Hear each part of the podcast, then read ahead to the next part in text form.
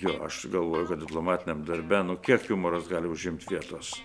Aš tą knygą rašiau vieną procentą. Ar dėl vieno procento verta buvo rašyti tokią knygą? O, galbūt.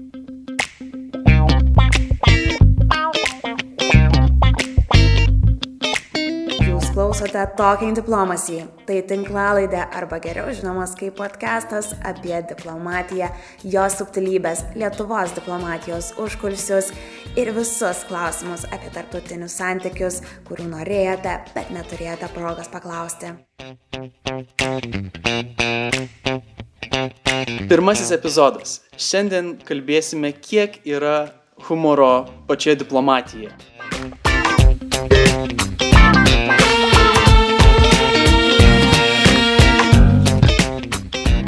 Jumis Mykolas Mazalevskis. Ir Gabrielė Nekytė. Labas. Labas, Gabrielė.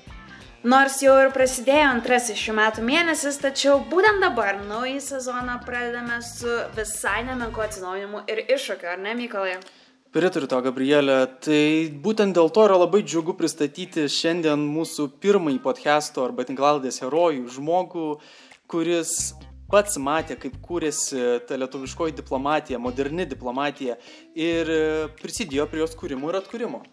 Šiandien su mumis ambasadorius, profesorius, rašytojas, istorikas ir labai laukiamas pašnekovas bet kokiame pokalbių formate - Alfonsas Eidintas.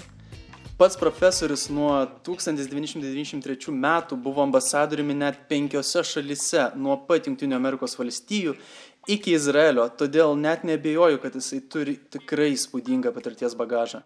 Kaip istorikas ir rašytojas, ambasadorius yra parašęs ne vieną knygą.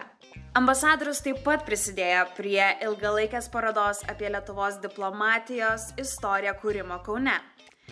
Vilniaus knygų mugėje ambasadorius Alfonsas Jėdintas pristatys ir naujausią savo knygą - Diplomatų šypsenos ir pokštai, apie kurią ir pasikalbėsime. Man pačiam įdomu, kiek pats tas humoras padeda skirtingose situacijose, tiek pokalbiuose, tiek e, neformaliuose ir formaliuose susitikimuose, kada tu nori įvesti kažką į pokalbį, sušvelninti pačią situaciją. Ir tuo pačiu labai įdomu, kiek to humoro mes galime perkelti tuos popieriaus lapus. Jūs nustepsit, bet aš nepa- neprašiau nei vieno atvejo, kuriame aš atrodyčiau kvailai.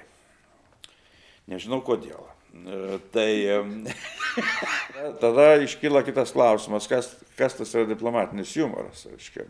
Ar, ar mes galim sakyti, kad yra um, vyrėjų humoras, a, kad yra darbininkų humoras, kad yra a, valdininkų humoras ir panašiai.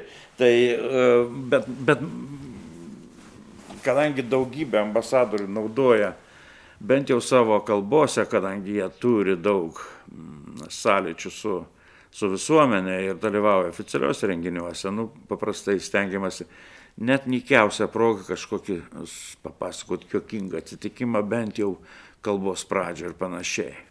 Bet va tokie dalykai viliojo truputį prisilies prie šitos temos. Nežinau, kartais humoras žodinis, a, suprantat, nuotykis, pokštas, jis išverčia iš kojų esamai situacijai. Bet kada praėjo kiek laiko, kada reikia nuobodžiai išdėti situaciją ir užrašyti tą patį humorą, nebelieka jo. Nebe taip juokinga, kaip matant tada toj esamai situacijai tarptų žmonių, dar čia ten vidiniai tarp jų kažkokie tai elektros e, tinklai nenusitėse ir panašiai. Vieni jūs turbūt gerai labai pažįsta kaip istoriką, kiti jūs labai gerai pažįsta kaip iškilų žinomą diplomatą ir ambasadorių. Kuo jūs save laikytumėt gal labiau, ar istorikų, ar diplomatų, ar abiejų iš tikrųjų kombinacija tam tikra? Kai aš dirbau diplomatinėje tarnyboje, žinoma, aš laikiau save diplomatu, bet e, taip pat nėra klausimo ir dėl to, kad istorija man labai padėjo daryti šitą, kada tiesiog buvau įmestas į diplomatinę darbo pelkę ir maždaug mm, plauk ir, ir kvepuok ir, ir mokiausi dirbdamas. Tai e, žinoma, istorija buvo pagalbininkas dėl istorinių pavyzdžių, kur, kurių prireikia labai dažnai istorinių situacijų. Jo labiau, kad tai, toj pradžioj darbo, nuo 93 dar buvo labai labai e, tos vis iškildavo skaudi ta istorinė praeitis ir tos Molotovo ir Bentropo pakto pasiekmes ir, ir, ir, ir, ir paštrėjimas ir, ir santykių ir, ir, ir, ir geri momentai su Rusija ir, ir istorijos kai kurių įvykių vertinimas. Nu, viskas dėliojasi, viskas buvo labai įdomu. O kaip istorikas taip, aš dirbau lygiai grečiai ir diplomatinėje tarnyboje. Ir pirkau literatūrą, kaupiau, vasarą šiek tiek eidavau į archyvus, turėjau kažkokių planų dar parašyti ką nors, bent jau populiarią knygą kokią ir parašydavau. Patikslinimai, ambasadorius yra išleidęs tris fikcinės knygas - Ieškok Maskvos Sfinkso, Erelius sparnų dvelgsmas, Aukštai šaltos žvaigždės.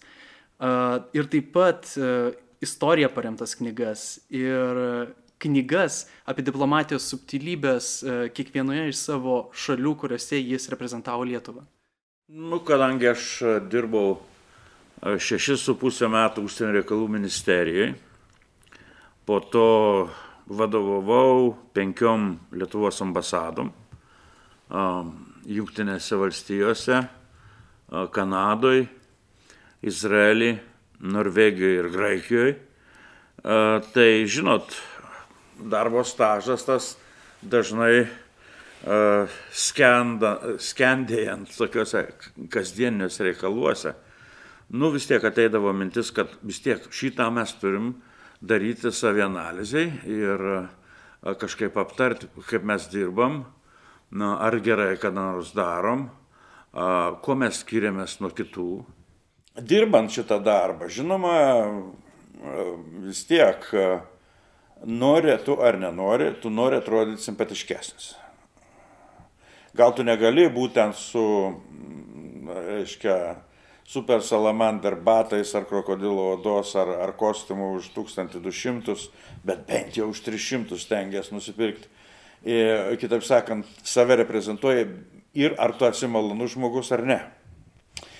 Bet aš pastebėjau, kad malonumą žmonių yra vertinama ne tik, kad jis maloniai šypsosi ar, ar kalba, trievelius dalykus ar, ar panašiai, bet ar jis moka pajokauti ir, ir ar jis naudoja humorą bendraudamas ir susitikimuose oficialiuose, kurie yra diplomatinio darbo viena iš svarbiausių dalių, susitikimai, pasiruošimas ir, ir, ir, ir pokalbio vedimas. Ir, Ir žinoma, pagrindiniam diplomato popieriuose, tai pranešimuose, ar, yra, ar juose yra, lieka humor. Tai aš savo laisvalaikį visą skiriau istorijai ir ypač vasaros atostogas. Tai ta, užbaigdavau tada knygą paprastai, o kokia būdavau su manęs. Nes vis tiek reikia mėnesio, o knygai reikia vis tiek gero mėnesio suvestos raudonus siūlus. Nes ten, ten neturi, pamest, neturi teisės pamest pagrindinės linijos kurių veinių tai rašai ir, ir ką čia užsibrėžiai tu tą knygą pasakyti. O jeigu grįžtant, sakėt, kad mokėtės iš istorijos, tų archyvinės medžiagos, kuo skiriasi taip, ką jūs skaitėt apie tarpukarą tą diplomatiją ir ką jau pačiam teko patirti? Nu, iš esmės juk laiko tarpas nedidelis, iš esmės mes dabar esam komfortiniai situacijai kartais labai sunku, bet palyginus su prieškara, tai mes esam rojui, diplomatiniam rojui triūsėme. Nes visiškai ne tos problemos mums dabar sunkiausia. Aišku, atsirado kitų nemažiau svarbių, bet, bet tikrai ne, ne vienas diplomatas, ne, ne, kaip sako, negali pasakyti, kad šiandien kažkas žvangina su ginklais prie mūsų vartų ir toj pat jie puls. O tada buvo ta, ta nuojauta, kad bet kada gali pulti. Bet kada. Dar vienas pasienio konfliktas, dar vienas nušautas policininkas ir tu nežinai, kuo viskas baigsis. Tai čia, bet grinai čia aš dabar jau kalbu kaip istorikas. Būti istoriku yra baisiau negu būti filatelistu. Filatelistas tik surenka pašto ženklus. Jis sudeda gražiai. O tu surenki faktus ir tu dar randi tokių dalykų ten, sugalvoji juos skaitydamas ir tokie dalykai tau atsiveria, kad žymiai, žymiai įdomesni negu pašto ženkluose, nors ten irgi yra savo istorija. Dar norėjau paklausti ambasadoriau, iš tikrųjų, kokia yra ta gera aplinka jūsų, kada knygų rašymas yra pats efektyviausias? Tai žinoma, čia toks klausimas. Nu, man asmeniškai, aš, man geriausiai rašydavos jau vis tiek. Tai yra nuo ryto, nuo 5 iki 7, po to reikia važiuoti darbą. Tai pats, pačios produktyviausios valandos. Vis tiek turėjimas, turėjimas reikia čia turėti tokio noro papasakoti kitiem. Man, aš negaliu tverti, aš ilgai netveriu, aš jau ką nors jau surandu, sudėlioju, aš jau noriu tą knygą išleisti. Vat kiti nori dar, dar 25 metus patirinėti, kad jau būtų viską ištyrinėto klausimu. Tai sveikinu juos, linkiu labai geros kloties, bet aš tiek metų ne, ne, neturiu. Aš geriau už 10 metų vėl surinkęs medžiagą perrašysiu tą pačią knygą. Bet aš noriu dalinti su tuo. Ir čia yra esmė, kodėl, kodėl knyga, nu kitaip, nu kaip kitaip, nu, tą, tą medžiagą kaip kitaip parodysi. Tas humoras irgi taip pat suprantamas ir diplomatiniuose santykiuose, šiauriai, pietuose, vakaruose, rytuose iš tikrųjų tikrai skirtingai. Ir tie tokie santykiai, susitikimai, ypač ambasadų vadovų ir, ir, ir tikrai visai reikia pagalvoti apie tai, kuriam tu esi, kurioje pasaulio pusėje esi ir kada tas humoras iš tikrųjų labai reikalingas, o kada galbūt reikėtų jo prisilaikyti. Jo, labai geras klausimas. Ne viskas suveiks Azijoje ir, ir aš tik nu, vieną pavyzdį daviau, kurį skaičiau literatūrai Pavyzdžiui, rusų diplomatai labai turi gerų anegdotų apie uošvenės. Ir pavyzdžiui, Vietname nesuveikė ten. Uošvenė yra garbingiausias žmogus šeimoje. Ir gavo vieną po kitos pastabų ir net Popovas įtraukė į savo istoriją diplomatijai. Tai kaip labai blogo komunikavimo su vietinė visuomenė pavyzdį. Tai tie triukai ne visur praeis. Anekdotai tam tikri ne visur praeis su politiniu atžvilgiu. Pavyzdžiui, pabandykit vakariečių tarpę papasakoti anegdotą apie Brėžnevą. Jie jau pamiršo jį. Nu, bet, bet kurį. O, ypač kur jau šaipamas iš jo to maršališko vaizdo ar panašiai, tokių irgi yra. Jis nenuskamba. Nu, Britams tu nepapasakosi anegdotą apie žmoną kokią nors nevykusią. Nu, taip, būsi žmonofobas ir viskas reiškia, jau tu netvarkoj pats, be norėdamas pajokauti. Taip kad reikia, su humoru reikia labai atsargiai, nu, bet, bet, bet pasikartosiu, bet pasvėrus viską. Vis tiek, jeigu tu nori pavartoti humorą, reikia truputį ir pasiruošti prieš tai. Jeigu, jeigu tu žinai, kad tu kalbėsi vakarienį, jeigu tu žinai, kad tu sėdėsi šeimininkų iš dešinės ir tau reikės mm, tart baigiamai padėko žodį tai kažkokį humorą reikia jau ne, nestandartinį, tokį mm, ypatingai mm, šiek tiek savikritišką, autoironišką, jokių būdų ne ką nors atakuojant ir panašiai, arba, arba nurodant. Tai jo, yra, yra, yra gražių pavyzdžių, kai puikiai pajokauja, žmonės pagerina visos salės nuotaiką. Žmogus tampa mėgstamas, jis, jis, jis labai priimamas. Tai va čia apie tai mūsų diplomatai turi galvoti. Negalima būti nuobodžių visą laiką arba kalbančių tokiam triviliom frazėm. Ir va tas, kai kas yra duota jau Dievo, tai čia tvarkoji, bet jeigu dar pridedi darbštumą savo ir, ir, ir, ir paieškai tokių geresnių kokių nors jo kelių, viena, viena kitą labai sveika panaudoti O jo, aš galvoju, kad diplomatiniam darbe, nu kiek humoras gali užimti vietos. Aš tą knygą rašiau vieną procentą. Ar dėl vieno procento verta buvo rašyti tokią knygą? O, galbūt.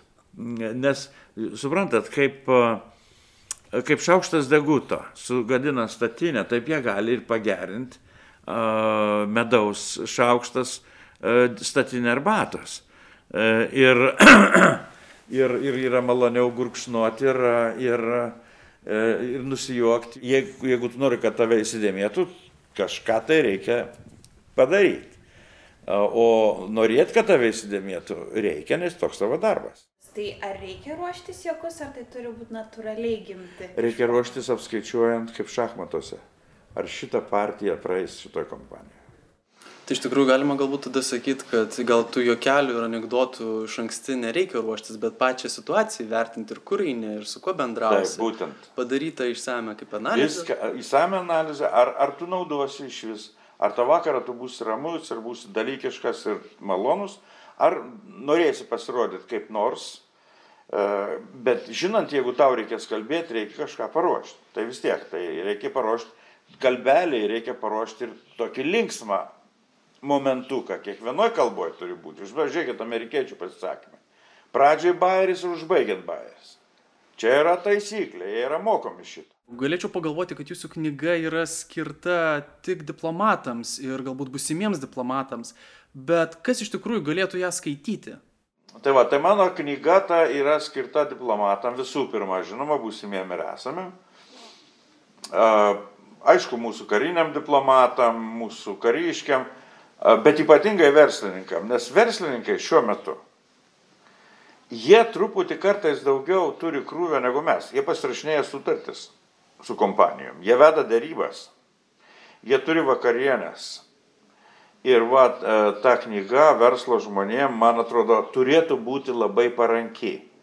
Nes e, būtent va tokie pasikalbėjimai autoriaus su jais, kurie yra iš tos knygos išeina, uh, tikrai juos gali nu, palankiai nuteikti humoro atžvilgiu, naudoti jį ir kartu būti atsargiem uh, ir labai gerai išsišniukštinėti to šalies savitumus atvažiavus, kad ne, ne, nu, vis tiek reikia žinoti, kad Kinijoje, jeigu tu turi vakarienę su, su partneriu, tu turi gerti tą jų degtinę. Ne, jeigu tu negeri, tu įžeidži. Nu, tokius dalykus reikia išaiškinti, kad važiavus ir, ir panašiai. Ir koks ten humoras mėgstamas ir koks ne. Bet mano siūlymas yra toks, kad reikia, reikia skatinti susidomėjimą jumoru, panau, jo panaudojimą diplomatiniam darbe, nevengti pajokauti iš tikrųjų, nes mes gyvenam nu žiauriai intensyviam pasauliu, labai aktyvios komunikacijos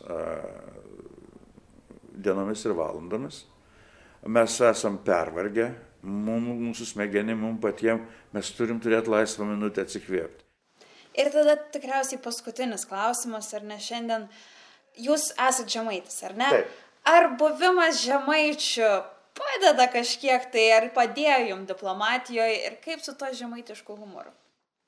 Nežinau, ar, ar tas padėjo, galbūt, galbūt tas toks, um, vis tiek tas savitumas yra žemaičių, čia mes šito nepaneiksim.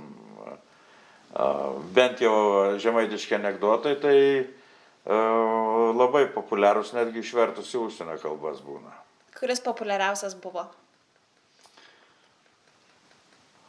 A, apie žemaitį parašiutininką. Galite papasakoti? Jo. Žodžiu, paima žemaitį į desantininkų dalinį ir apmoko visą dalinį ir vadas sako, taip, dabar gaunat parašiutus, pakylat 3 km aukštį išmeta iš lėktuvų, suskaičiuojat iki 10, patraukiat žiedą ir krentat. Nusileidžiat, sulankstat parašiutą, perbėgat mišką ir ten laukia mašina. Grįžit į bazę. Išmeta, žemaitis 1, 2, 3, 4, 5, 6, 7, 8, 9, 10. Čink žiedą, neįsitraukia. Čink, neįsitraukia jau žemė visiškai priartėja, žemaitis sako, nu ropuž, jeigu da už mišką mašinas nebus. Čia gali visur pats. Aš manau, galime tai vardinti kaip labai dideliu ir optimizmu, ir, ir geru humoro jausmu net ir sunkiausiose situacijose. Taip, tikrai taip. Ambasadoriu, iš tikrųjų esame labai dėkingi, kad turime progą pasikalbėti tokia labai dar iš tikrųjų ne, neapkalbėta tema ir tokį trumpą turėti intro jūsų būsimai knygai ir tikiuosi, kad galbūt dar turėsime progą ir ateitie pakalbėti su jumis. Jo, ačiū. Ačiū. Tikimės, kad ne paskutinis kartas iš tiesų. Ačiū Jums labai. Ja, ačiū.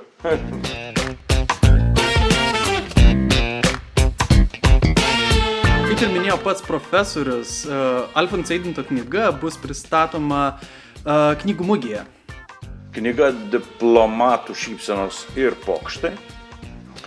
Pristatymas jos vyks vasario 22 dieną, šeštadienį, 13 val. 3.2 auditorijai parodų rūmose. Ir labai maloniai kviečiu e, sudalyvauti. Šiam kartui tiek. Ačiū, kad klausėte. Tai buvo Talking Diplomacy užsienio reikalų ministerijos kuriama tinklalaidė. Tikimės, kad ji privertė jūs nusišypsoti ne ką mažiau negu mus. O kitame epizode mes kalbėsime apie ypatingus ir tikrai skirtinius pirmosius nepriklausomos Lietuvos diplomatijos žingsnius. Manau, kad laukia nepaprasta kelionė laiku, ar ne, Gabrielė? Tikrai tai, Mykolai, ir nepamirškite sekti užsienio reikalų ministerijos socialiniuose tinkluose, kad nepraleistumėte naują epizodą. O jeigu turite kokių minčių ar pastebėjimų, visada laukiame komentarų, kuriuos galite palikti mūsų platformose ar socialinių tinklų puslapiuose. Iki kito karto. Iki.